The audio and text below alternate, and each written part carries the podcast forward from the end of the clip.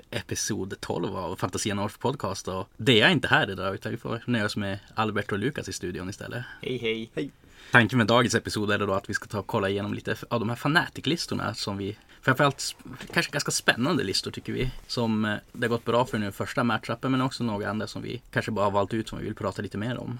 Ja, Lukas du är ju här idag och jag måste ju säga att eh, dina Flash är en av mina favoriter. Skulle inte du kunna ta och berätta lite grann vad som är i den listan och som, Jo, hur tanken är, hur den spelas? absolut. Eh, det är ju kanske inte en jätteklassisk eh, Flash Eater-lista direkt. Eh, många fokuserar ju på att slå hårt i närstrid och även fast min lista kanske gör det för att det är Flash Eaters eh, så har jag fokuserat på den här andra abilityn som framförallt Flayers har. Man kan skrika en skytteattack mot Bravery och därför har jag valt att spela med Horrorgasten som Endless Spell. Slängde in en Mortis Engine för att ge plus på cast till mina hjältar. Framförallt för att göra ännu mer Mortal Wounds i skyttefasen. Mycket Mortal Wounds i skyttefasen med lite tur. Och så, så är det många av de här standardredskapen man ofta ser i en lista. Att det är alltså en Art Regent där som kan ta och buffa. Han kör med eh, Hellish Orator. Det är väl från alltså Blister Skin Ja, precis. Command Rated. Och det är väl på att man på 4 plus får ett extra command point. Och så AD Quartz. Eh, på 5 plus får du tillbaka command points när du använder dem. Vad är Spectral Host för någonting som han spel? Eh, Spectral Host är att man får välja en enhet, Hollywood 14, och ger en fly. Om enheten redan har fly så får man springa och chargea med den. Och busigt med den är att om man slår över 10 på rollen då får man välja tre enheter istället. Det är väl ganska bra synergi med just eh, Blister Skin. Ja, det funkar väldigt bra. Man kan ju ge till exempel honom själv fly för att sen använda command ability och teleportera han på bordet. Ja, som sagt, en Abhorrent eh, Ghoul King on Terrorgeist är väl ganska standard i de flesta feklistorna. Ja, Gå in och slår med sin Gruesome Bite och er som har, inte mött Fake än så får Fake slå dubbelt för en command point så länge de är nära en hjälte. Han har då en artefakt som ger en minus ett hit på sig så han blir lite tankig. Det är väl alla inom 6 tum av honom också. ja precis. Men eh, det är bara i skytte. Så säg att du ska möta en skyttare med den här. Skulle du ta blow upp så att allt nära Terrorgeisten eller är det med att du vill ta och sprida ut den med listan? Alltså, det beror väl på lite vad man möter för typ av skyttar med. Eh, möter man en skyttar med som gärna kommer i en klump, då kan det finnas en vits i att sprida ut sig lite grann. Men säg att de tar över hela bordet, då kan man ju stå runt terrorgeisten och bara bunkra upp. Och som sagt sen en courtier för att kunna ta och ressa dina flayers. Ja, precis. Den ingår ju i formationen där med mina tre enheter flayers. Deadwatch det vill säga. Ja, precis. Den gör att eh, har jag en enhet i combat i hero face så får jag slå med en av enheterna från formationen. Och det kostar ingenting och sådär. Nej, det är ju väldigt bra. Och sen att du får då in AD Court som tack vare Mm. att du har en. Eh, Hur många drops är den här men? Eh, fyra. Okej, så det är nog ganska lite. Mm. Det jag kan tycka rent spontant när jag kollar på den. Du har bara 99 wounds i den. Men Ja. jag kan tänka mig att det vägs upp lite grann med att din courtier går omkring och väcker till liv de här storsnubbarna och liknande. Ja. Att det är som, det som ger den tankighet eller? Jo men precis, dels det, men framförallt för att de flesta matcher så har man ju ändå, vad blir det? Det blir alltså 32 wounds mer än vad det står på pappret. Mhm. Eh, För man samlar ju oftast 20 ghouls och en trea antingen flayers eller horrors. Det är ju ett väldigt fint tech för att ta typ så här backline objectives Mm. med eh, Ja men den går väl att använda i total commitment också. Alltså när du inte får lämna reserver utan du kan ta bara som mån av dem för Ja, de fanns precis. inte förut. Till skillnad från några andra fraktioner som lämnar i reserv och måste komma in från bordet. Samt eh, Mortis Engine har en once per game ability. Så man får knäcka reliken uppe på tronen. Eh, och då gör man en eh, 4D6 bubbla. Eh, helar alla mina enheter D3 och gör D3 mortal wounds på alla fiender. Mm. Så att eh, man får lite extra helningskraft därifrån också. Om jag ska sammanfatta kort den här listan så är det lite grann att eh, du spelar mycket av det vanliga Flashit core-täcket men ändå försöker göra en viss grej av att kunna bravery bomba. Att ja, helt enkelt kunna utnyttja dig fullt ut av skriken samt att eh, Mortis Enginen ska fungera lite grann som många spelar en corpse cart. Att den går in, ger plus i cast och sen så kan den också göra sin egen grej. Att den går in och bara poppar massor med wounds. och överallt. precis. Eh, vad tycker du är svårigheden? Alltså vad är en dålig matchup för dig med den här men? Alltså en dålig matchup. Jag bygger ju lite på snabbheten i listan. eh, I och med att man har 14 tums move på listan. Mm. Så det är jobbigt om man möter sånt som är snabbare än det. Men framförallt hårda, tankiga saker, typ Fireslayer, är ju inte jättetrevligt att möta. En eh, match vi kanske ska ta och prata om efter den här. Ja.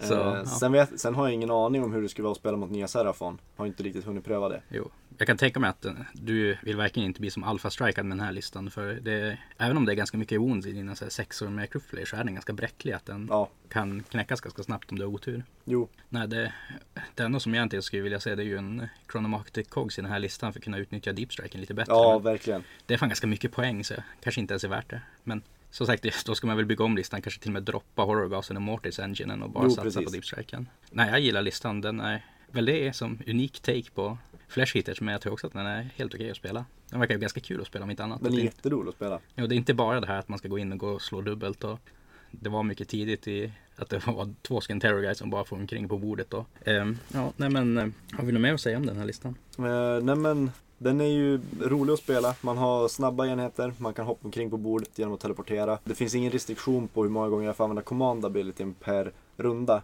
Mm. Förutom att jag bara får lägga den på en enhet en gång. Så med Ader Quartz kan du typ flytta hela din armé om Ja, precis. Om man har turen med sig liksom. Vi kan ju ta sen och gå vidare då till eh, en av de förmodligen tyngre listorna på den här turneringen som du fick spela nu Mm. mot i den första omgången. Hannenens fyrslayer-lista. Ja, vill du börja med det Albert? Jag såg att du satt och klämde lite grann på fyrslayer-boken och vad du får. Alltså jag har ju eh, en dålig ovana och det är att jag eh, aldrig researchar mina motståndare och eh, inte har något koll på någon. Så då tänkte jag att då sitter jag med och pluggar. Eh, och så inser jag ju då att Hennenens är jätte, jättetankig. Och det hade alla insett innan. innan. Ja, det Hannenen spelar väl då är väl att han har 50 Heartguard Berserkers i sin lista. Jajamän. Och det är fan pojkar med två wounds var och 4 plus negates. Samt massor med busi, alltså buffar för armor save. Jag har mött varianter av den här listan och det känns ibland som att man bara ska ge upp på att döda dem. Eh, och han har ju lärt sig lite grann av tidigare erfarenheter att han ofta blir utmanövrerad genom att ha en tre Skywardens i armén. Ja.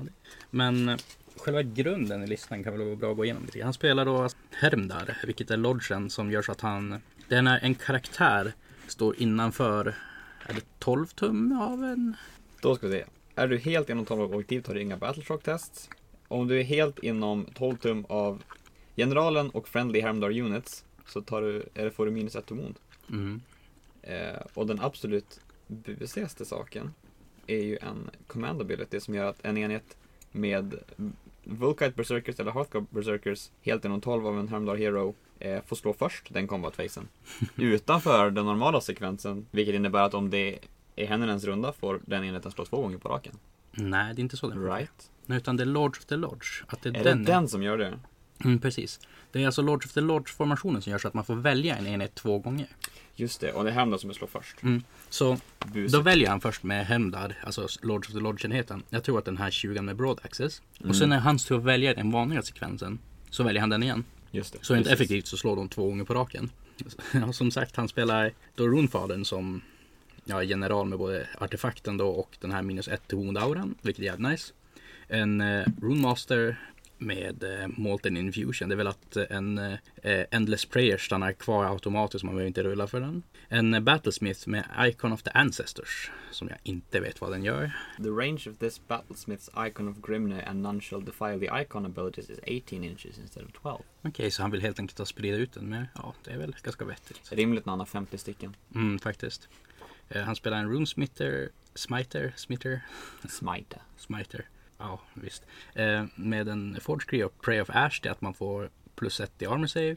Samt en eh, till med eh, Forge Cree och Emberstorm, vilket jag tror är att han får springa och charge. Så att han får lite grann av Vostag i sin lista. Men ändå inte behöver spela om utan spelar bara rem där. Eh, som sagt, två stycken 20 med eh, Harshguard, ena med eh, Pole Access, andra med Broad Access för att sprida ut det lite grann. Och en 10 med Broad Access för det är väl kanske generellt de som är bäst. Jag menar, det man kan göra med de här pojkarna är att poppa den där runan för minus 1 i rend och bara gå in och slå med sina mm. 2 vapen och damage 2 och bara delita saker. Speciellt den här stora 20 som slår två gånger. Att det slår så ohyggligt hårt. Ja. Som Albert sa tidigare, en 3 Skywardens, vilket är Ja, alltså det är en sån liten enhet som bara kan springa omkring och plocka Men det är lite liksom. skojigt för de flyger och de går långt. Och de har ändå skyttevapen, vilket den här listan helt saknar. Och båda skyttevapnen kan ju göra mortal wound som jag minns Ja. rätt. Jag tror det i alla fall.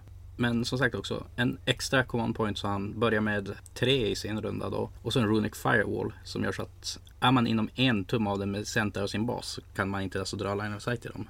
det fungerar så att drar du line of sight mellan två stycken, alltså center av baser innanför en tum av den så kan du inte ta C-modellen i fråga. Så står han och klämmer muren med sina 32 mm baser så syns inte hans karaktärer. Det här är varför det är viktigt att uppgradera din firewall på datorn. Ja. mm. Nej men, Någon av oss var tvungen att göra det. Jag, jag tog den. ja. Eh, ja, det funny stuff helt enkelt då. Men eh, Lukas, när du såg att du mötte den här listan, alltså vad hade du för tanke på hur du skulle ta knäcka den? Alltså min första reaktion var ju, som jag kan tänka många som ser den här listan har, aj då. eh, sen hade jag, jag hade en eh, gameplan in i matchen. Det var att eh, jag ville att Henninen skulle eh, spela bort sig och gå fram med alla sina modeller så att jag kunde teleportera in en drake bakifrån på karaktärer. Det var liksom, det var gameplanen. Eh, Vi kan ju ta och plocka fram en bild hur det såg ut efter din runda ett. Och det här är då att han har gått fram, ställt sina karaktärer vid firewallen med lite halvbräcklig screen då. Med alltså sina skywardens. Och där hade du en fullbuffad drake med 5 plus negate och eh, tre extra extra attacker som behövde klara sin 9 tum charge med en command point. Samt så tycker jag också det var snyggt att du positionerade så att dina tre flyers, här, flyers, flayers här nere alltså kunde eventuellt dubbelrunda komma åt hans karaktär som stod där vid tian. Och på så sätt bara som eliminera större delen av hans eh, karaktär i ett block. Och jag håller med, det här är ju precis sättet som man ska försöka komma åt för att kunna ta och spöa den här med. Ja, alltså öppningen, jag gav ju honom första rundan i och med att jag hade färre dropp. Jag bunkrade upp kring min egen, eller ja, han, han klev fram, jag bunkrade upp eh, med lite hjältar och sånt där på min sida, teleporterade upp draken och sprang upp med trean flayers. Och det, det kändes ganska bra. Det Mm. var precis den öppningen jag ville ha i matchen. Dessutom att du fick ett initiativ för en eventuell dubbelrunda även om du inte klarade chargen. Precis. Eh, så att det såg väldigt bra ut. Men eh, mer än så vart det som inte riktigt i runda ett. Eh, misslyckades med 9 tum chargen, eh, vilket är, det är ju surt men Mm, översnitt så att ja. det är som Det händer. Det, ja, men jag lyckades ändå få dubbelrunda. Hade väl lite surt. Andra hoppet inför matchen var ju att eh, objektiven i Starstrike, vi spelade ju då Starstrike, att de skulle komma så långt från mittlinjen som möjligt. Eh, första objektivet slår vi sju på. Det hamnar i mitten, mitt i hans, eh, mitt emellan hans 220 block. Mm, så båda blir Battleshock-immuna. Så att där, där såg det surt ut. Men jag fick ju dubbelrundan. Fick inte igenom någon extra buff på draken i form av 5 upp negate den här rundan. Men eh, tänkte att det ska gå bra ändå. Så du skickade glatt din drake in i hans eh, tre karaktärer vid firewallen. Precis, det kändes bra. Eh, lyckades skrika ihjäl en ballongkille i den skyttefasen med draken också. Började bra liksom. Sen var jag väl kanske lite girig. Jag hade ju tagit eh, klara en 9 tum charge som eh, ena hidden. Eh, så då pos- positionerade jag min trea flayers utanför 9 från hans hjälte för att potentiellt kunna klara den i en tidig runda och sen ta matchen därifrån. Och det gjorde jag inte. Nej. Så det var ju i, med facit i hand fel beslut. Men draken klev jag fram med, klarade 3 tum chargen och här förlorade jag nog en stor del av matchen. Jo. Eh, draken som slår två gånger, totalflunkar, gör eh, tre wounds eh, på hans Skywardens med de små kloattackerna totalt.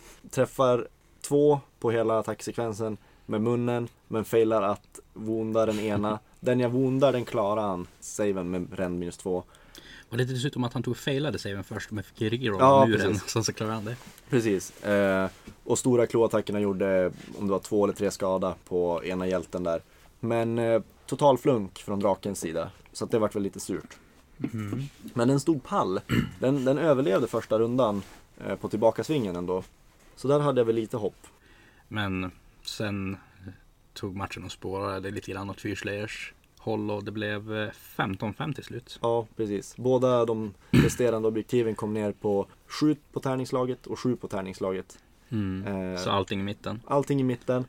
Jag hade då klarat en 9 tum charge. Klarade ingen 9 tum charge. Nej, det var många 9 tum charges som inte gick där. Ja, sen klarade jag inte min andra hidden heller. Jag hade tagit, ha kvar tre eh, modeller i, Motståndarens Territorium. Precis. men eh, de, min 20 ghouls blev totalchargade av eh, lite fireslayers. Ja. Nej men som sagt du fick ju ändå fem poäng så du är ju fortfarande i matchen för att ta dig till topp 4 turneringen. Det är väl typ så här, ja 70 något sånt där. Så vinn mycket nu så. Ja, 17 poäng de fyra kommande matcherna. Ja, Då, då går det. Nej men det, jag har bara PTSD av tidigare upplevelser mot liknande arméer. Och ibland har man de där matcherna där tärningarna bara inte vill göra man vill att de ska göra. Nej, men säg att du ska möta den här fyrslagararmén med dina Seraf. Vad, vad skulle du ha för tankar kring det? Alltså prioritering är ju att snipa så många karaktärer jag kan så fort jag kan. Och sen nog anpassa mig. Jag har ju möjligheten att göra det. Jag är så Mm. pass mycket snabbare. Så säg att du skulle ha chansen att ta alltså första initiativet. Skulle du ta det och Jag hade nog på... tagit första rundan faktiskt. Mm. Ja, nej men det kan väl tycka var en bra idé. Men eh, på tal om dina Serafon. Det är också en ganska spännande lista som jag tycker vi kan gå vidare till. Smidig segway ändå. Ja, visst var det? Ja, Nästan så jag tänkt igenom det här lite den här podcasten börjar bli proffsig. Take it away. Ja, men eh, jag var väldigt osugen på att måla 80 skinks. Så att då bestämde jag mig för att inte måla så många skinks. Mm. Utan istället committa på ett par stora sköldpaddor. Armén innehåller Croak, en Astrolith Bearer, en Engine, en Skink Star Zero och en Skink Priest. Sen är det tre 10 skinks för mina Battle Lines, en enhet med salamandrar och två Bastiladoner i en Thunderquake Temple Host. Och ja, men det finns egentligen tre stycken techs i den här armén. En av dem är att buffa salamandrar. För i och med Thunderquake Temple Hosten så får de springa, skjuta, chargea. Mhm. Och det är supermysigt. Tech nummer två är väl att Lord Croak spyr Mortal Wounds. Ja. Som ingen annan. Men eh, på tal om eh, Thunderquake Temple Hosten, alltså formationen. Det ena är att du kan ta springa, sk- skjuta, chargea. Ja, Och den andra är plus en attack i närstrid va? precis. Så dina salamandrar då, som är QLS, får ytterligare en attack på Josen och kan få ytterligare en genom Thunderquake. Så då slår de ohyggligt hårt i närstrid. Units from this battalion get an extra attack on each of their melee weapons. Ja men säkert. Eh, Mm. Då slår ju salamandarna till och med hårdare än vad de skjuter. Ja, så då slår de ohyggligt hårt. Ja, Tech 1. Tech 2, Croak. Och där sätter jag honom på en Balewind Vortex. Och jag har en Astrolit. Vilket gör att hans superbusiga pulsspel, som jag får kasta tre gånger, når 22 tum. Mhm. Och om jag kastar den genom min Starseer så når den ju 34 tum. Och då även om du tar första rundan så kan du först ha Croak, alltså ända framme vid linjen. Ställa fram din Balewind så du får hela basen och sen ställa upp han på den så du får, når saker runda ett. Mm. Absolut. Det är ju ganska busigt. Det är busigt, det är också kaxigt. Lord Croak har ju, är ju visserligen relativt tung eh, på Vortexen. Med sitt 3 plus save, 4 plus negate och 7 wounds. Mm. Jag menar, är det inte bara att göra det så omringar han med 30 stycken skinks så att säga. Ja, absolut. Det är bara att promenera fram med dem och screena. Och sen det slutgiltiga täcket, och det jag förmodligen kommer använda mest av, det är Trove of Old One Technology Command Ability som kommer med Thunder Lizards, vilket jag spelar. Eh, och det är att jag får aktivera en Engine of the Gods eller en Bastiladon igen i slutet av min shooting phase. Så potentiellt får jag skjuta fyra gånger med mina två Bastiladoner. Och aktivera din engine två gånger. Ja, när jag har gjort det så har den egentligen bara gjort illa sig två gånger. Så Ja. att, tvekmacka på den. Eller Men- tagit och bestraffa dig genom att du måste ta fram 10 Saurus Warriors. Jesus Christ. det, är, det är det enda jag tycker illa om i den här boken. Men men. Ja. Nej, det här är ju en jättehård lista med mycket. Alltså command points och mycket sätt att spendera command points på ett vettigt sätt dessutom. Ja, i grunden har jag ju eh, Lord Croak slår jag tre tärningar för på 4 plus 4 command points. Mhm. Eh, min Starseer General slår jag en tärning på 4 plus 4 command points och jag har en Ether Quartz. Eh, och jag har ju ett extra command point i grund för min bataljon. Ja. Så att eh, det blir väldigt, väldigt mycket command points. Men jag kommer ju också spendera dem. ja, alltså det är ju typ så här tre rundan som går bara på dinosaurier som ska skjuta och trolla dubbelt. Absolut, och Skink Priesten har ju en command ability som gör att jag får plus ett hit. Eh, den kommer jag ju spendera Ja, så tänk dig mycket på jag kan. att du säger Savage på din salamandra och bara poppar den på dem och sen Ja, Salamander som träffar på 2 plus är jätte, jättemysigt. ger dem rerolla ett to hit också. Mm. Det, ja, det, det, det är ju bus. Så om vi rent så här hypotetiskt skulle säga att jag hamnar mot henne i en match, då tar jag nog runda ett och sen ser jag till att mina Bastiladoner får skjuta fyra gånger och så snipar jag karaktärer innan han har lagt ut muren. Mm. För eh, även om jag säger att de får springa, skjuta, chargea så är det väldigt få som spelar som att jag får springa och skjuta. Och charge. Ja. Så om, vi, om jag slår tre tum på springa, så här, lagom långt, då är det ändå 8 tum plus 24 tum i range. Jag når ganska mycket då. Men säg också att du skulle få alltså tre eller fyra command points och sen satsa på Aderquartsen så har du ändå command points att göra att de tar springer 6 tum och sen skjuta dubbelt. Om det vore jätteviktigt, ja. Ja. Eh, men den här listan är inte så trixig som man skulle kunna göra den. Den är ju tankigare än eh, vissa andra Serafon-listor. I och med att jag är coalesced och sänker all damage med ett. Och spela Bastilladoner. Och spelar Bastilladoner. Kan inte du berätta lite grann om hur Bastilladonens 1 plus armor save fungerar? Oh wow, putting me on the spot. Eh, Och det här är ju FAQ av GV också. Så Ja, det här, så är, det här är, är jätteunderligt. Men i och med att man aldrig modifierar stats, man modifierar bara eh, tärningsrolls, så är den immun mot rend så länge den har 1 plus i save.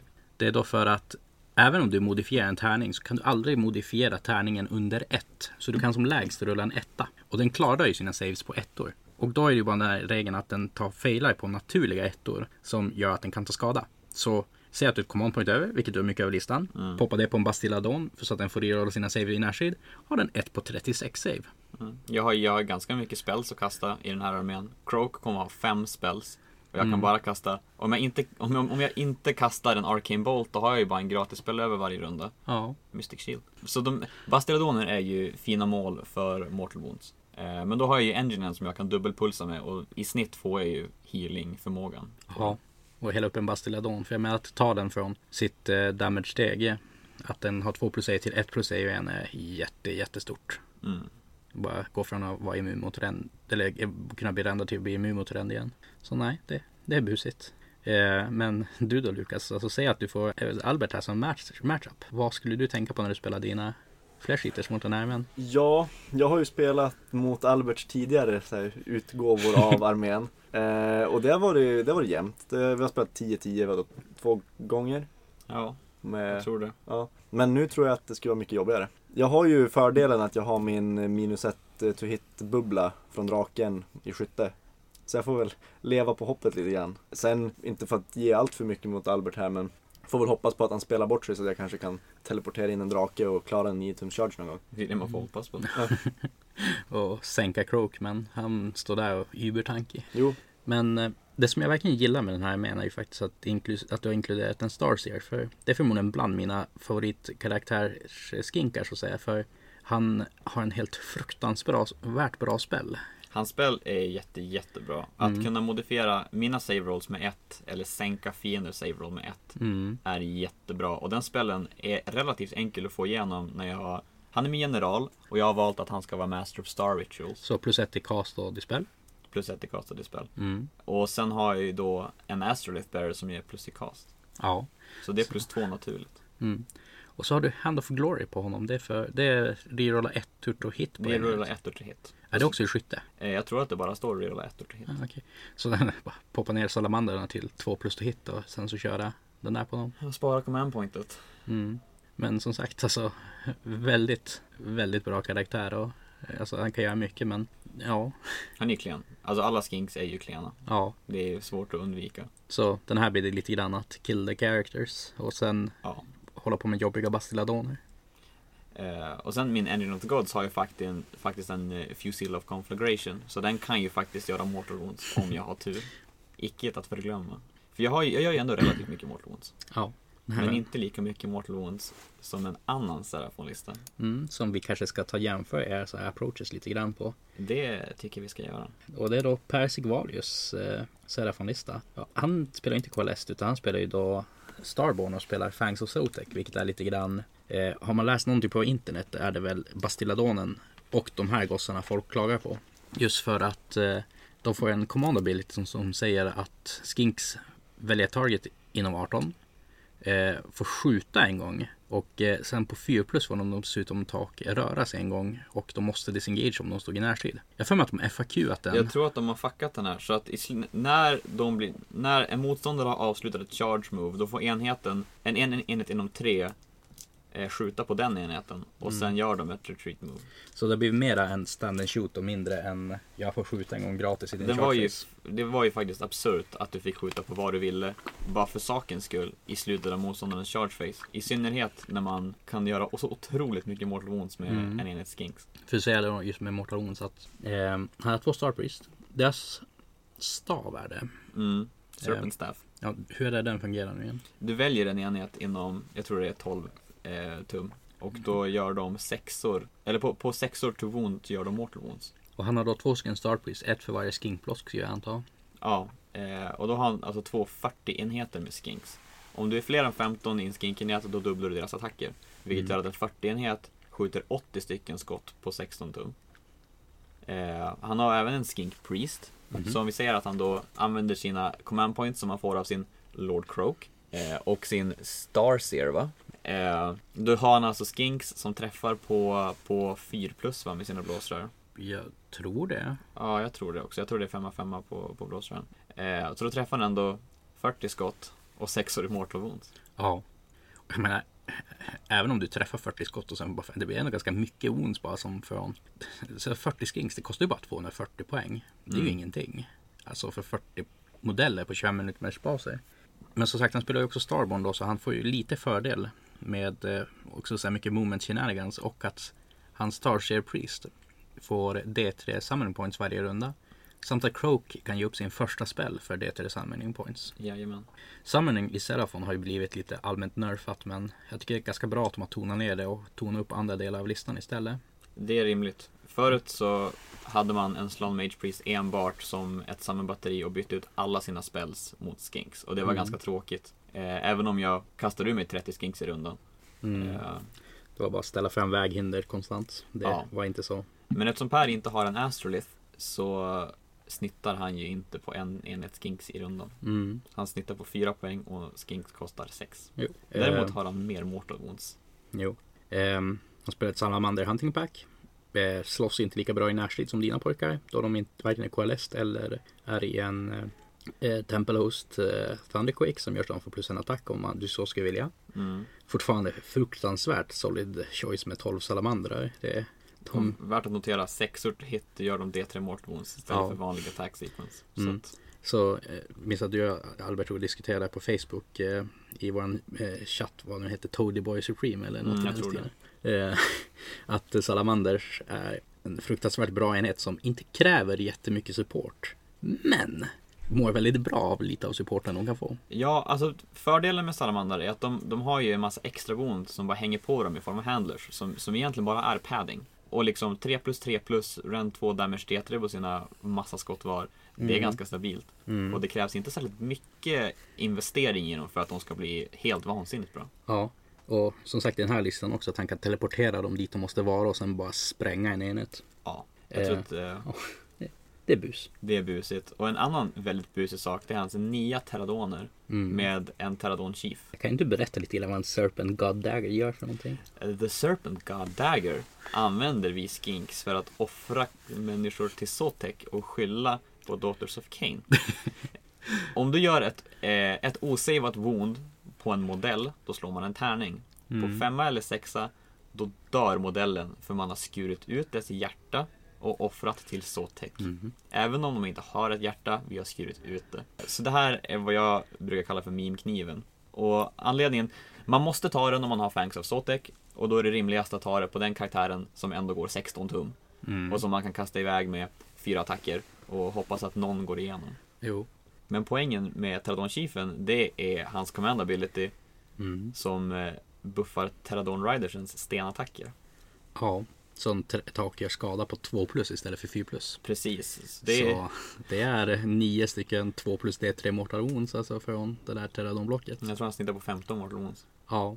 Det är mycket mortal wounds. Ja, du snipar ut en supportenhet eller en väldigt tjonkig karaktär. Alltså jag menar, säg att han har salamanderna inom range av Nagge Ja. i Petrifex och så lyckas få att Terradonerna kör över Nagge med sina stenar. Det kan nästan vara så att han tar ihjäl den. Då det är två stycken Nagash-listor i den här turneringen tror jag att det är ett fruktansvärt bra val. Ja, absolut. Och nu har ju faktiskt Terradoner blivit buffade så de har 16 tums movement i grund. Och i Fangs of Sotek går man 3 tum längre första rundan med alla Mm. skink keyword-enheter. Men som sagt, alltså salamanderna känns ju som att de vann mot sina bröder Residonen och det kanske också känns som att Terradonerna tog och fick överhanden jämfört med Rippers. Ja, absolut. Mm. Och som sagt, eh, Ender Spells, Bound Geminids och Fylgers, det är Geminids som du får själv ta och styra som din motståndare kan ta över.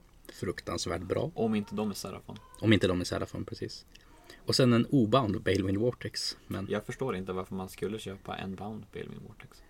Den blir inte autodispellad om du tar stora autodispellspellen med en slon. Ja, det är ju sant. Det är enda skälet. Det är enda skälet. Så har du 10 poäng över, jag menar varför inte? This is true. You heard it first. Benjamin vinner. Jaha, ni pratar inte alls. Åh, tråkigt. Jo, vi, vi håller på att prata men vi tar bara en Vi tog en paus att du var här och gjorde massa Passa oljor. på nu när du kommer och förstör. Vill du snacka om din lista? Och vi snackar om en lista. Nej, helst inte. Då kommer jag snacka skit om den. Jag, tror, jag tror att den är suboptimal, men jag tror att den du- du- duger för att, för att spela bra med. Mm. Ja, men det, jag, jag, jag trashtalkar den lite grann. Det är okej. Och Du, du, du har ju mött den nu, så du vet ju vad den, vad den gör. Ja. Nästa gång vinner jag. Ja, det tror jag också. Det är ingen fara. Nej men eh, Albert, även om jag tycker att din lista är jättetjonkig och sånt där så tycker jag att den här kanske är snäppet vassare. Ja, den är absolut bättre än min. Ja. Eh, Han orkade måla skinksen. Ja, det är bara där vinner han ju en moralisk seger, Mm. tänker jag. Eh, ja, alltså mängden Mortal Wounds han får ut är så absurd att det, det är svårt att, att stoppa det liksom. Mm. Särskilt om man har arméer som inte på distans kan snipa viktiga mål. Då måste du ta dig igenom alla de här skinksen först. Mm. Ja, per vann ju sin första match 19-1 mot Emil kan vi nämna så han är väl ganska bra Ja. uppsatt i den här turneringen just nu. Eh, och Emil ville hälsa att hans lista är dålig. som försvar. Ja, nej men eh, är det någonting jag känner att jag saknar i den här listan är det ju att han har ju allt för att bygga en Shadow Strike Star Host. Men ja, nej jag vet inte alltså. Säg att han skulle ta den och så få in en AD Quartz på det. Tror jag skulle kunna göra den här listan ja, lite vassare. Men jag vet inte vad jag skulle ta droppa för någonting är väl kanske problemet. Eh, det är det som är... Och han har inte samma behov av command points som jag har. Mm. För han har egentligen bara en command ability han vill använda varje runda. Mm. Och det är Skink Priesten. Ja, Och sen vill det han ju... Fang of Zotek abilityn också han vill använda ganska ofta kan jag tänka mig. Ja, det är möjligt. Men det bygger också på att man chargar skinksen. Eh, Men som sagt, hade den här listan varit innan FAQn, alltså när Zotek hade förmåga, bruten. då hade han behövt en Shadow Strike Star Host för att få, alltså använda förmågan varje gång på båda sina stora skinkblock. Ja. Men nu kanske inte det är lika viktigt och han satsar bara på command pointsen han får genom Croak och eh, Star Priesten. Absolut. Eller Starseal menar jag. Det kanske räcker. Det är ändå fyra tärningar. Fyra plus. Du snittar ju på två extra command points Mm. varje runda. Så tre i rundan och det räcker väl för att en eller två av de där rundsakerna, då har du två stycken göra annat bus med. Ja. Alternativt att spara. Och sen tänker jag, jag tror att det man måste göra mot Per är att man måste slå först och man måste slå hårt. Och man Mm. måste plocka ut viktiga mål. Ja, som alltså båda Star Priestesarna är ju de, alltså verkligen prio för de gör ju så att Skinksen gör Mortal Wounds och grejer. Ja, och alltså har du möjligheten att dunka in någonting biffigt som garanterat tar 40 skinks så gör det. Ja. Han kan bara samla 10 skinks. Mm. Och de har inte dubbla attacker. Eh, Någonting biffigt som kan ta 40 skinks, typ en 20 Heartsguard Berserkers med Broadaxes kanske. Ja men till exempel. Och alltså de, eh, de har ju visserligen Bravery 10. mm. Men kommer in i en runda 1 och du dödar 30 stycken då kommer de ju förmodligen sticka. Ja. För han har inga command points i grund. Nej, Ännu en nackdel med att han inte har bataljonen. definitivt. Men det, det han ska behöva droppa då, om man ska ta den bataljonen, det är nog förmodligen Salamandra. Ja. Eller kanske att jag skulle ändå ta och tycka att man skulle kunna ta dämpa lite grann på Terradon Riders. Det är möjligt. Alltså För det, en, Terradon Chiefen är egentligen mera, alltså Mimi med kniven. Och säg att du skulle ta dämpa så du bara har en sexa.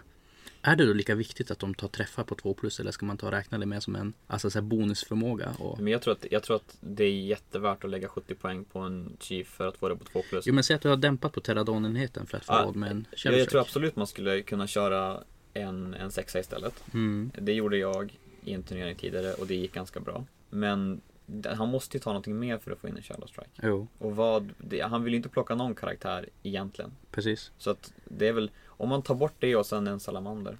Och då har han bara en tvåa, då kan man inte garantera att Det är mycket som säger, alltså Mortal Wound-dacka han förlorar i armén om man plockar bort det så. Ja, men jag tror att man kommer till den här punkten att, att man nå, någonstans får man välja. Mm. Och, och Per har tagit de här Mortal Woundsen. Han hade kunnat få andra Mortal Wounds, men nu har han de här Mortal Woundsen. Ja, men som sagt alltså, det kanske till och med räcker att han inte behöver en i den. Men den här första command pointen hade nog varit ganska nice att ha.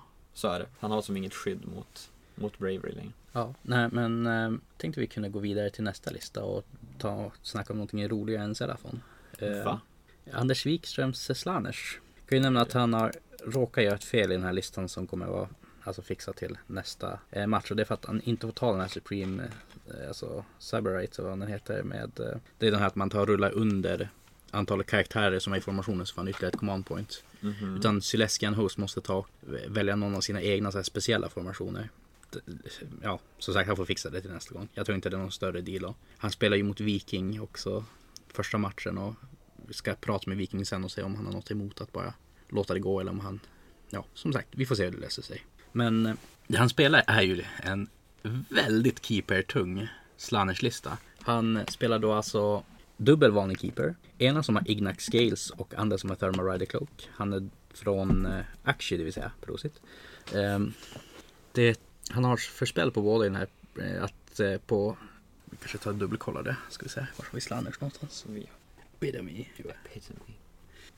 Men det var artefakter. Epitome, det tänker jag mig en bok gjord av hud. Ja. Det skulle också vara väldigt slannersigt. Faktiskt. Det kanske är det det borde vara. Mm. Jag ska modellera min sån där som en bok gjord av hud istället. En Grimoire. Ja. Här. Nej, det här är eh, att man väljer en demonhet inom 6 av casten. Så helar man D3. Då man 10 plus så helar man D6. Så det är healingspelen helt enkelt. Så han kan skada på sig själv och få summon points. Och sen Just det. mm, på båda de här, Vad heter det? Depravity points. ja, depravity. Men jag kommer säga summon points. Det. Rimligt. Han spelar då specialkrig. t- Temat kring att sänka hjältar. Eh, Contorted eh, boken av hud sa vi. Consorted Epitome. Men alla säger Epitome och det gör mig förbannad. Ja, men, Du eh, tänkte Shalaxi Hellbane Ja, precis. där. Ja. Ehm, och hon har Slothful Stupor, så det är väl den som är eh, summon-grejen. Allt jag vet är att hon har väldigt coolt spjut. Ja. Nej, det är väl en enemy hero and that hero cannot use uh, um, command abilities cannot run or, and, or cannot attempt to charge. Det tyckte jag lät dumt. Den borde den inte få ha. Nej, men som sagt, väldigt dedikerad på just sänka hjältar. Mm. Och sen så som sagt Sylesk, The Vengeful Allegiance som är lite grann kärnan i den här armén som gör så att allting innanför 12 av den här som får Depravity dubblerar mängden Depravity han får. Hans första match var ju mot eh, Viking som spelar Ogres. Och du får Depravity på det viset att du gör skada på saker utan att det dör. Så varje Ogre är värd 6 summoning points för honom då. Det är faktiskt helt vansinnigt. Ja. Så det var så här, ställa fram två nya keepers i slutet på runda ett ungefär. Ja, det var det Viking sa. Att han dödade två keepers och det dök upp tre. Ja. Och det är ju orimligt. Ja. Det, det är ett Siege som ska hålla på med det. Utöver det så har han miniblock med demonetter för Battleline. En femma Hellstriders för Battleline. Som sagt eh, formationen han inte får spela med. Han får byta till någonting annat. En Mesmerizing Mirror som är eh, den här eller spellen du kan ställa ut och rulla sex tärningar. Och så- så tar du för varje sexa så dubbleras mängden mortalon. Så rullar du en sexa, ett mortalon. Rullar du två sexor är det Jo precis fyra och rullar du tre så blir det nio. And so on. Så den är bra på att sänka karaktärer i blob. Och som sagt eh, de här jubilen som tar och åker över sina egna enheter gör mortal wounds och får summoning points för det. Samt att den kan spränga saker med dålig armor save. Eh, ja, en väldigt hård slanners med. Vad vill du säga om den här? Ja, Jag är lite sårad. Jag spelade i Serafon när de var bäst på sammanhang. ja. Och den tronen har vi tappat. Ja. Ja, Det är ju ingenting man vill möta. Ja. Jag tror att det- här om något är en viktig armé att eh, jobba med target priority. Sylesk måste ju ut på en gång. Jag fick ju spela mot den här armén med mina Beast of Chaos. Alltså innan turneringen började. Och då fungerade det ändå att man så här försökte verkligen som gräva ett hål i hans screens och sen så ta sig till eh, Sylesk. För han har inte jättemycket saker som kan stå i vägen om han inte vill typ ha två keepers som står och kramar Sylesk alltså Mm. från början. Så han går ju ändå att komma åt för jag menar 220 demonetter och 5 Hellstriders det är inte jättesvårt att flytta på. Nej, det är två tior dessutom. Ja, två tio år. och så- Det är ingenting. Nej. Eh, och det, det kan han ju inte göra mot väldigt magitunga eller skyttetunga arméer Mm. heller. Nej. Och Sylesk, alltså, han kan ju inte heller ta som att gömma sig längst bak. Utan han måste ju fram. För står han inte inom 12 av en keeper när den tar får sina summon points. Så Ja. tar den ju inte att dubbleras. Då är det bortslösade poäng. Ja, Då hade man ju lika gärna kunnat spela typ Godseekers eller Pretenders och liknande. Någon annan host där han får faktiska alltså, grejer istället för bara den här dubblerande summon grejen. Men Albert, du säger då att du skulle ha lite target practice. Men säg att du ska ha en runda ett och eh, såg han börja ställa upp armén. Alltså, vad skulle du helt enkelt du tänka att du skulle ta försöka ta och göra? Vad är din plan för runda ett? alltså 100% att försöka positionera mina bastelladoner på ett rimligt ställe. Mm. Det, min battleplan kommer nog bygga på att screena ordentligt, se till att jag har en follow-up med Croaks eh, Mortal Wounds spelrundan efter. Mm. Och så panga med bastelladonerna så mycket jag kan. Och jag tror att Sylesk åker först. Och sen, sen får jag väl se, det beror på mycket på scenario, vad jag ska ta sen. Ja, det låter ganska vettigt att eh, som bara stackars kingsen får stå i vägen för keepers helt enkelt. Ja, alltså vad, ska jag göra? Det är det de är där för. Du då Lukas, vad Hur skulle Ja. du stå och börja mot den armen? Det här blir väl lite liknande som med de där dvärgarna i början. Att man får hoppas på att de spelar bort sig så att man får någon form av öppning. Mm. Eh, men alltså att charge in på Sylesk med antingen en uppbuffad sexa flayers eller med en tankig drake. Alltså Mm. dödar man den då, får man ju som, då kan man ju ta matchen på ett helt annat sätt framåt. Med vetskapen att han inte kommer samla lika mycket, lika fort och lika tungt i matchen då, då kan man ju faktiskt börja spela. Jag kan ju säga mot, när jag spelade mot den här listan så tog eh, min eh, 30 block bäst igår och sänkte Sylesk och så tog eh, en av mina Gorgoner och sänkte alla tre keepers. Det är ganska hårt. Mm. Det var fan en Gorgon som boxades uppåt. En annan armé som det gått väldigt bra för nu i runda ett är ju Dennis som vann sin match 19-1 och hans eh, Bone Splitters som jag tänkte vi kunde hoppa till. Eh, det här är ju en av listorna som har mest wounds i turneringen. Han eh, spelar då Bone Splitters och spelar Icebone. Eh, men som sagt Bone Splitters det är en armé som har väldigt mycket wounds i sig. Alltså, men den här listan har 195 wounds. Det är bara Fällmans armé som har mer då. Christ. Det är ju också alltså, en till Bonesplitter med så det är väl lite grann deras grej att de får jättemycket saker. Men just Icebone, när du rullar sexor så tar och jag får ett bättre i ränd. Det är ju ganska bra på en armé som i, generellt sett inte har någon ränd på typ någonting. Och det är alltså både skytte och närstrid. De får en command ability att en Icebone Borboy-enhet kan ta och retreata. Ta och, enheten de retreatar från tar du bort två från charge rolls. At the end of the combat. Så de helt enkelt, att på slutet av combat-fasen så får de ta och retreata. Och göra så att en enhet inom tre får minus två på charge moves nästa omgång. Det är ganska busigt. Ja, Och jag antar att de får springa då också när de tar och gör en retreat move. Ehm, det kan vara ganska bra mot Fire Station. ja, faktiskt. Bara gå in, klippa ena lite grann i hörnet så bara retreata därifrån så får de inte chargea så långt. Mm. Eh, General har fått plus två i eh, move characteristic och plus ett i hit och wound rolls med sin gris. Vilket är busigt. Och eh, artefakten är Katanak Pelt. Du får plus ett i Bravery av Friendly Iceborne som är inom 18 av eh, bäraren. Hmm. Han har en, listan då. Eh, karaktärer. Han har en eh, Vurgog Profet som har alla fina, ja både trait och artefakten. Det den här gör är ju att den har en ganska bra hård clearing spell. Alltså att på 5 plus så tar de Mortal Wounds inom en viss distans från honom. Han har också Breath of Gorka Morka som är en Until your next hero phase, double that unit's move characteristic. In addition, until your next hero phase, that unit can fly. If the casting roll was double, triple that unit's move characteristic instead of doubling it. Så, Åh, Eh. gud. Och sen kastar han iväg sina Big Stabbas långt, Mm. långt bort. eller sin move 10 Rogue Idol Ja, eller Rogue Island. som får move 30 och flyger. Christ. Ja. Ja, den har bråttom. Han spelar dubbla också och det de helt enkelt gör att de kan ge Woodgågen plus i cast. De kan ta hela diverse saker med en dans, vilket jag tror förmodligen kommer vara eh, Rogue Idol i många fall, att en vård och hänger med den. Eh, sen så har de Savage, eller vad har de för något? De har Cunning Bee Spirit, att de ger plus ett i Ja precis, plus ett i save roll för attacks that target that unit. Så Mm. vill han så kan han buffa upp sin Rogue Idol till att vara jättetankig. Så det han helt enkelt kan göra är att en av doktorerna kan dansa för Rogue Idolen. Ge den plus ett i save. Så kan någon av dem kasta på Rogue Idolen så den får plus ett i save. Så den går ner på typ 1 plus save eller vad det blir. Och då hamnar han i... Men som sagt, det är inte bara Rogue Idol han kan göra på. Han kan göra på sin eh, 30 Savage Oryx och grejer också som blir enormt mycket tankar. Att gå från sin 6 plus save till eh, ett eh, 4 plus save och negate och grejer. Vilket Mm. också kan vara ganska bra. 30 Savage Oryx. Stor blob med 60 wounds som slår ganska hårt. För bara t- 300 poäng. Det är som 30 bäst igår. Mm. Eh, 10 stycken Savage Boar Boys. Det är de här pojkarna som kan ta och chargea och sen få en retreat i End of Combat Phase och göra så att saker och ting får minus 2 i charge. 20 Savage Arrow Boys. Här finns det ett busigt tech med Breath of Gorka Morka att han kan få dem att flyga. Så kan du skjuta saker i skogar. Då kan han skjuta saker i skogar. Jajamän. Men sen också enheten som slår så fantastiskt hårt. Åtta stycken Big Stabbas. Det är då 3 plus 3 plus. Rend 2, Damage D3 och Damage D6 mot monster. Mm. Typ såhär tre attacker per skalle eller något i den stilen. Och det är många som spelar de här att de går alltså så här snett bakom någon av sina andra screens och så kan de slå över dem för de har ganska lång range med sina storspjut. De har tre. De har tre tums range. Så tre attacker, 3 plus 3 plus.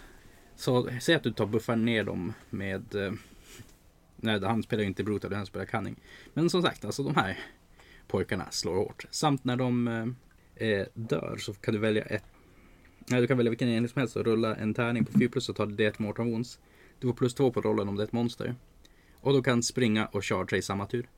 Det här är jättejobbigt. Det finns flera listor. Alltså det, jag tror det är sex stycken Serafon-spelare i turneringen. Mm. Och förutom Pers lista så finns det ganska mycket dinosaurier i samtliga. en med tre stegadoner till exempel. Ja, De där äter ju upp stegadoner till Mm. frukost. Faktiskt. De tar nog två stegadoner på en runda själva. Ja. Utan problem till med ska jag tro. Ja. Med tanke på att D6 damage med sina tre attacker per skalle. Det, ja, nej. Som sagt, springer sig snett bakom sina Savage Oryx och charger i Savage Oryxarna så går det åt skogen för dig. Och som sagt, fyra poängs Rogue Idolen som man kan buffa upp till absurda nivåer och tankighet. Och så sen Burning Head och en extra command point på det. Den här är nog jobbig. Eh, Mm. Fruktansvärt mycket wounds att ta sig igenom. Absolut. Och Dennis har ju faktiskt track recordet för att vara en väldigt bra spelare. Han eh, vann ju höstens Fanatic. Jajamän. Så Eh, inte, inte illa nog att listan ser väldigt, väldigt bra ut. Han kan också spela den. ja, Eh, och han är ju a long time orkspelare. Så det sitter väl i blodet. Mm. Ehm, däremot så känner jag att det är ändå lite bus i den här listan. Det är inte bara rakt igenom alltså att du ska köra cookie cutter utan det är lite grann att han vill göra det till sin egen grej. För Mm. Om jag känner det själv så skulle man kunna göra typ den här listan men att gå in och försöka köra en Big Wog grej istället. Och, alltså, säg att du skulle ge plus ett i damage också på din Rogue Idol med War Chanter till exempel. Eller att du ger eh, plus ett i hit och plus ett i wound på dina Savage Big Stab. Alltså de är 2 plus 2 plus istället för 3 plus 3 plus. Mm. Och så ytterligare, eller inte ytterligare, Gaton förlorar sitt Warpaint save när de eh, Big, Wag, men de får en annan istället. Och, samt att de kan så här, typ använda Wag-magi för att få plus i cast och liknande. Så det är väl det enda som jag tycker att ja, spela den här listan i Big Wag istället och shuffla omkring lite grejer. Ska jag personligen göra. Ja. Eh, vill någon ta säga hur de ska gå tillväga om de skulle ta och möta den här? Jag har Eller- ingen aning. Alltså det är så mycket wounds. Ehm, jag får väl leva på att snöra ut en horrorgast, sänka deras bravery och skrika. Ja, Mm. och hoppas på det bästa. Ja. Ja, alltså återigen. Target priority. alltså, det, det, om om man räknar bort Idolen och de här stora enheterna så är det väl Stabasen, Warboysen och karaktärerna som Mm. Rogue Idolen känns som väldigt, väldigt mycket att investera i för att få bort den. Jo, men det känns nästan som att det är en typ så kill the characters. För Rogue Idolen förlorar ju ganska mycket så att du skulle sänka båda Wardoxen och. Vurgog-profeten. För då får du ju inte ta dubbla sin moment och inte plus eh, två till sin save roll och grejer. Precis. Den kanske blir lite svårmanövrerad om den har 10 tums move och inte fly. Mm. Idolen. Jo, den har ju ganska stor bas och grejer och det är saker och ting som står i vägen så definitivt sänka Vurgog, profeten och Wardoxen. För men som sagt att man sänker karaktären en go för Wardoxen kan ju ta hela med sin så här, skumma dans och grejer. Ja. Det Kill blir- the characters. Ja, kill the characters och se till att du faktiskt dödar den när du, när du Mm. går in på den. Och blir inte att du chargear in en screen framför Savage Big Stabbles och så tar Savage Big Stabbles och förstör din värld. Nej, Det här känns kanske lite onödigt. Mm. håll dig borta från Big Stab alltså. Punkt. Men eh, en till destruction-lista som jag tycker vi ändå kan nämna lite grann på. Han vann ju sin första match med bara 11-9 med jag tycker en spännande lista om inte annat. Det är ju Theodors Ogers. Det här är ju kul. Han har ju jättemycket katter och jättemycket Iron Guts. Mm. eh, som sagt han spelar då Bullerhead så att han får, det är det här som är temat kring eh, Stonehorns och grejer. Det viktiga är egentligen att han får en eh, artefakt som säger att, eh, heter Brand of Sword.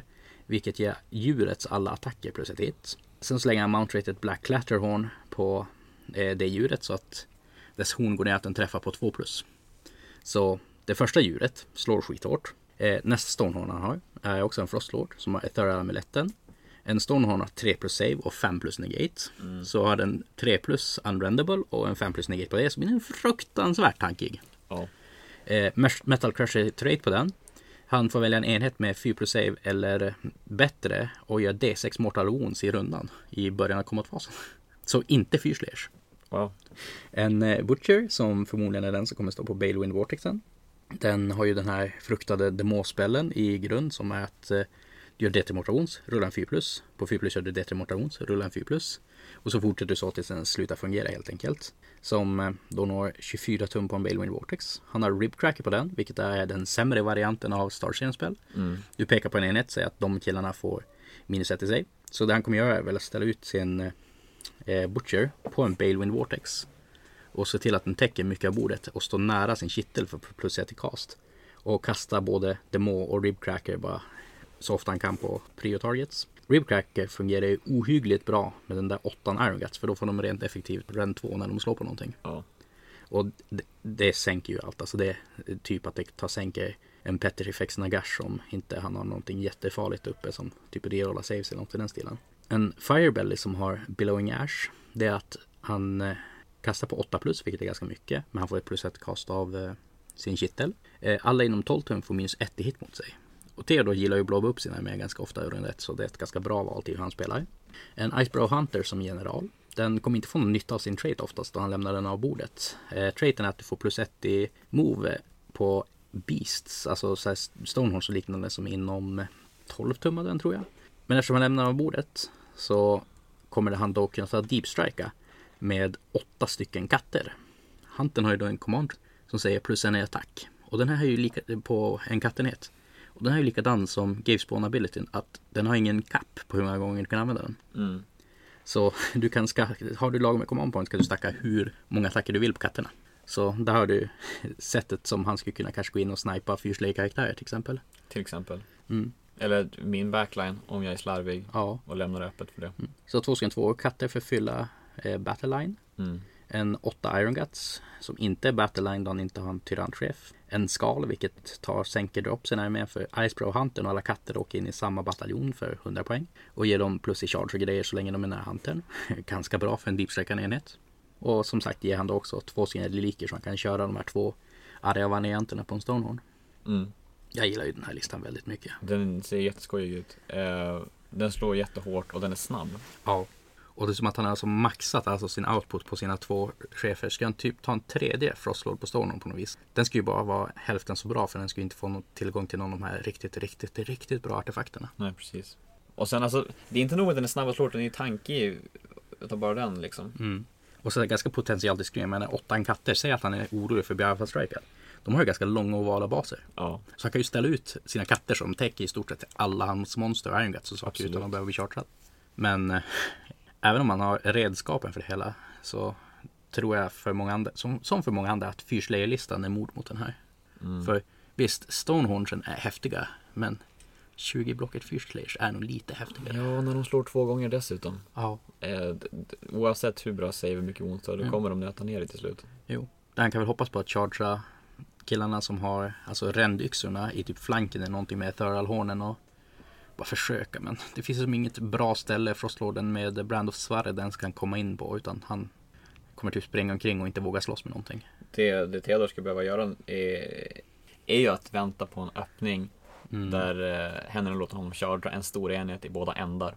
Jo, Eh, och smyga in med typ Frost Sabers och Huntern bakifrån och ta karaktärer. Eh, för om, om en full enhet får slå på någonting av Hennenens eh, då dör det han slår på. ja. Det är nästan oundvikligt. Samt också att kunna välja att slå två gånger, att den kan pajla två gånger. Ja. Vilket är väldigt viktigt för att positionera enheten när man slår. 6 tum pile och han har 2 tums range tror jag. Så Ja. det blir jättemycket attacker väldigt snabbt. Så helt enkelt försöka screena bort den enheten och ge sig på något som inte får dubbelpajla och slå. Ja. För jag menar, det, det finns något svar mot allting. Han får plus i hit på sin... Eller hade han plus i hit? Jag tror det. Men ja, i vilket fall så tar de ju den och träffar väldigt bra. Och Mortal Wounds yxorna skiter ju i sin plus to hit grej. Utan de vill ju bara sexer to hit för två Mortal Wounds. Mm. Så nej, Han vinner ju magi-battlen i alla fall. jo. Men eh, Pew pew. ja, jag menar även om man får igenom Ribcracker så har ju dvärgarna sin 4 plus negate. Ja. Men det är väl det han får göra. Han får snöra må och köra den i oändligheten. Han får tura igenom. Ja, sänka hela 20 blocken Ja. med en må. Ja, Det är, men det är ju alltså, en gameplan. Vadå gör Så. man inte 40 wounds efter saves? Det, Det det kan, snittar man väl på? ja, det är väl att du ska rulla ett 4 plus 20 gånger i snitt. Ja, det är 50-50 och när jag gör det så klarar man 50-50. Ja. Och om det då är så många 50-50 rolls, då går det va? Du kommer inte klara det Lukas. Nej, det, jag kommer aldrig klara det. Nej. Nej, Vi säger att det är så det funkar och Ja. Theodor, om du lyssnar. Gör bara 40 wounds med demo. mm. Vidare till nästa. eh, men, eh, ja, men vidare till kanske den sista listan vi ska prata om om vi inte får tid över. Det är Bebbes Legion of Grief-lista som är väldigt busig. Så att den här listan har 13 drops i sig. Albert, du har väl typ spelat någonting som liknar den här, har jag för mig. Eh, liknande. Jag eh, hade mycket färre enheter. Och då, jag, jag, den här eh, armén kom jag trea med på Fanatiken. Och det, var, det byggde på att man hade spökbaser, alltså Spirit Host, som flög runt och tog objektiv. Och sen hade man supportkaraktärer och enorma block med Blade Guys Revenants som eh, helt enkelt droppade ner där jag behövde dem och så dödade det som behövde dö. Mhm. Och, och Benjamin har ju liknande text som den armén. Mm. Och han Eh. spelar Legion of Grief istället för uh, Nighthaunt. Det gör han. Eh, Men han var ju faktiskt den som byggde armén jag spelade med. Så att han ska ha all cred för att det var en väldigt rolig lista att spela med. Mm. Eh, Men det han kan göra med den här armén. Är att han kan sätta upp sina enheter i graven, står det här. Ja. I Legion Grief. Så mycket av täcket som kommer från den här armén, det är ju att han kan använda sin command ability för att ta tillbaka alltså summonable units. Holy within nine of a gravesite, that is more than nine from enemy units. Så han kan helt enkelt återbygga sin armé med eh, command points. Ja, och sen sitter han på en Penumbral Engine. Bara för att kräma ur sig lite mer command points. Men jag tror det finns ett skäl varför han har tagit den. Vi kan ju gå igenom bara listan lite snabbt. Att, eh, eh, han spelar en Dreadblade Harrow som har Craven, eh, alltså det är den här hästfibern som kan teleportera sig mellan gravesites. Så den är väldigt slippery. Inte jättemycket wounds, men han har däremot Ignax skills på den så han ska kunna tanka Mortal Wounds bättre. Ganska bra vanligt så här ett lite Serafon-meta ska jag våga påstå. Eh, Vassal of the Craven King. Eh, det är helt enkelt som en Asia Quartz så att på 5 plus så får du tillbaka en command point när du använder den. Han spelar då en Guardian of Souls med Nightmare Lantern, det är ju den här deras typ så här standardcaster. En eh, Knight of Shrouds och en Thurl Steed, det är den här som kommer med i Soul Wars-boxen. Han slår ganska hårt, och bra command ability för plus i hit och grejer. Kurdos Valentian, the Craven King, kan sno command points av folk. Eh, Reknor, en eh, ganska bra spellcaster som kan göra lite mortal och grejer. Det är snubben på flygande Pegasusen. Och en Spirit of Torment som tar buffa hans eh, melee-enheter helt enkelt. Och så två Chaingusts tillsammans med den. Och sen så väldigt mycket fightiga spöken. Blade Guys Revenants slår ohyggligt hårt i 10 år. En 10 och en 20 Chain Rasp Horde. Det är de här som billiga screenspökena. Och en tia till. Och en 10 till där. Varför de inte sitter ihop i frågan. Ja, eh, och så en sexa Spirit Host. Det är de här spökena på baser som gör Mortal Wounds på 6 år när de slår. Ravnax Gnashing Jaws. Och Purple Son of Shaish. Ja. Men som sagt, det vettiga täcker det här att med Dreadblade Heron så kan han ta tillbaka enheter som har dött vid sina gravesites. Det som den kan göra är att den står av bordet och deep strike i början så den behöver inte ens stå på bordet när han börjar. Nej. Så den är väldigt stark för att bli mot att bli alfa-strikad. Han lär ju inte så ofta få välja vem som börjar med 13 drops i sin lista dock. Nej, och, men jag tror inte att Benjamin är särskilt brydd om vem som börjar i många situationer. Nej. För att det, det han gjorde mot mig och det jag förväntar mig att han kommer göra ganska ofta. Det är att han sparar på sig command points under matchen. Mhm. Och sen den rundan där saker måste hända. Då kommer helt enkelt Redblade Harrowen in. Eh, och tar tillbaka alla enheter som har dött liksom, till den punkten. Mm. Eh, och sen har han Raikenor. Som om man gör ett Mortal Wound på sig själv. Får plus 3 cast. Eh, så då kan han kasta ut lite busiga eh, extra damage spelsen. Och Eh, Penumbra den är ju så att eh, du rullar en tärning för den i början på varje runda. Antingen så ger den plus i cover save till saker nära. Eller att den kan ge command points. Ja, du, du slår väl en tärning och så får du vilket mode, sen får du ett command point om du har en hjälte inom 12. Ah, okej. Och det gäller ju för fienden också. Så att eh, kan ju bli situationer där Bebbe inte får något command point Mm. och motståndaren får jättemånga. Jag tror att Bebbe är väldigt bra på att spela den här listan. Den fungerar förmodligen ganska bra mot Serafon som inte har något sätt att ta ihjäl Dreadblade Harrown innan den får Deep Strike at the end of the moment phase och sen så använda sin Endless Legion command ability. För att återbygga allting som har dött i slutet på sin eh, moment phase. Det är med. det är väldigt få situationer där Benjamin inte kommer att ha tillgång till åtminstone en gravesite att komma tillbaka i. Ja. Det är möjligen att en Starborn-armé Mm. eh, som Per skulle kunna täcka alla gravesites om man får en riktigt ful dubbelrunda. Mm. Eh, och då förlorar Benjamin rakt av för då kan han inte komma in. Men det är väldigt osannolikt att det skulle hända. Det ska vara väldigt mäktiga rolls och väldigt bra spel. då. Ja, då ska det ha gått ut för på Mm. Och visst, jag hade velat se en Ignax Scales i den här med, eller inte en Ignax Scales får jag säga, utan en AD Quartz i den här med. Men Mm. det kanske är bättre att bara ta Ignax och så satsa på att vara tanke istället och hoppas på att han kan samla på sig lagom mycket command points.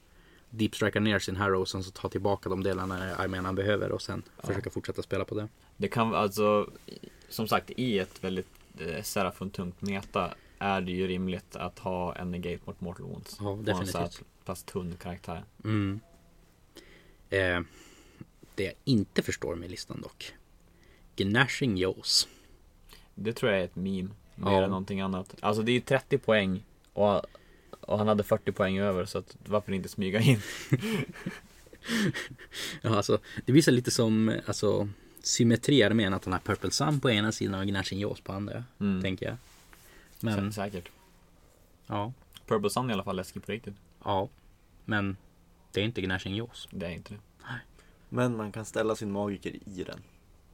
Mm, ja, rent... Eh, Modellmässigt. Om man tittar på Games Workshops Men eh, det är vissa som- artwork för den. jo, men det är vissa som påstår att det var tanken att det skulle fungera typ som en, eh, vad heter det, Balewind. Att du... Vad hette den här spelen i Lore of Beasts som eh, fanns i gamla fantasy när du blev till typ något så Elder Dragon-aktigt. Att det skulle vara en liten homage till det. Jaha. Att, din, att din snubbe blev alltså till spelen och kunde gå Ja. omkring och leka Pac-Man. Det var ju gulligt. Varför är det inte så? Nej, jag vet Skärp inte. GW. Det finns till och med en bild där det är en sorceress som står Ja. alltså inuti eh, spelen. Det är faktiskt helt sanslöst hur Ja. ofta GW tar dumma beslut som det här. Ja. Och inte fullföljer sådana planer. Mm. Men som sagt, en spel som åker omkring och gör lite Mortal Wounds och typ sänker Braver och saker. Det. Den är, den är konstigt. ganska, alltså så här basstorleksmässigt är den relativt stor. Man kan ju vara lite busig och blocka movement med den. Jo. Medan Purple Sun på 5 plus så tar de instant killar saker som inte är eh, över ett visst antal wounds och på 6 plus. Eller är det 6 plus den Det är instant killar? sexa tror jag. Du slår, ja. Och så, så är de, har de för mycket wounds så tar du istället 2D6 Mortal Wounds på den. Han gjorde modellen. åtta wounds på min Engine of the Gods. Medan, Ja, så den är busig. ja. Och ja, som sagt, även om det finns vissa saker som inte är så uppenbara i Gnashing Jaws så tror jag ändå att det här är en ganska vet- vettig lista. ja, men den, den är eh, lagom busig. Mm. Jag tror, jag tror det sämsta i den förutom eh, Jawsen är, Raik- nej, är Kurdos. Ja. Men är det inte ganska bra att kunna sno command points när han inte har en Ja, det är ju. Det är jätteförödande. Ja, för vissa flash eaters eller? Ja, men jag, Men just Ja. mot arméer som typ flash eaters som Ja. Lukas att det... Mm. det, han snodde ju tre eh, på rad för mig en gång. Eh, det var tungt. Det var tungt. Ja, eh, men sen kan vi också gå igenom turneringens enda Cities of Sigmar-lista. Henrik Gunillasons Grey Water Fastness. Oj, det är jag det. Ehm, Wow. det. Det finns mycket bus i den här men, men det är väldigt mycket som man skulle kunna ta bort för bättre grejer. Det är helt enkelt en Greywater-lista. Lite grann Dacca staden för Cities of Sigmar. Det hela leds av en frigil general som är drillmaster. Alla inom 12 tum får reor 1 och 3. Han har en sorceress med sig som är en adjutant till honom. Som ger extra common points. Descending Ash, Ashcloud. Eh, minus ett hit. Sorceress har redan inbyggt en som ger D3 skada minus ett hit. Så täcker det där att man kan både kasta Descending Ashcloud och sen Sorceress-spellen på någonting så de får minus två hit. Eh, en Cogsmith som är i formationen tillsammans med eh, mina artilleripjäser. Har en eh, artefakt som ger honom plus ett i hit eh, och en extra command point. Så han träffar alltså två plus med båda sina bössor. Den här, den här pojken har sänkt mycket stora saker. Det är ganska tufft. Han har sänkt typ så här två Keeper of Secrets. Han har sänkt Nagge. Han har sänkt... Eh, gud vad mer har han sänkt? Han, han sänker stora saker. Alariel. Ja, Alariel.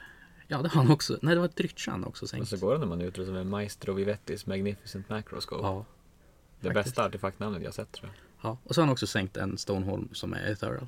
Coolt. Och så en Frigild general på Gryf med sköld och lans. Steam Piston Plate Mail som ger han plus 1 i save. Så han går helt enkelt ner på 2 plus save.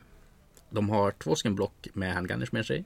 Som synergerar väldigt bra med min frigil general. Den eh, kan helt enkelt ge dem plus 1 i hit och plus 1 i wound.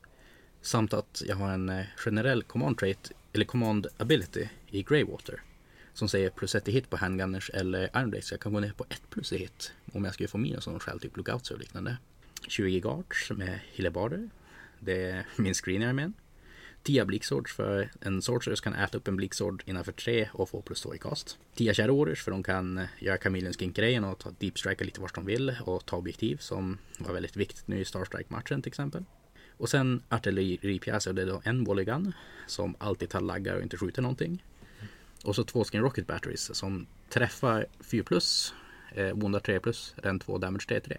Samt bataljonen som gör så att alla artilleripjäser som är innanför en viss distans av Cogsmithen får skjuta dubbelt första rundan. I ett så kallat Greywater Welcome. På det har vi en Soulscreen Bridge som eh, är empowered när jag spelar Cities of Sigmar. Så gör att jag får ställa ut den innanför 24 tum av den första bron och sen så teleportera saker emellan i slutet av min moment phase. Och det är alltså en redeploy så det räknas inte som en move.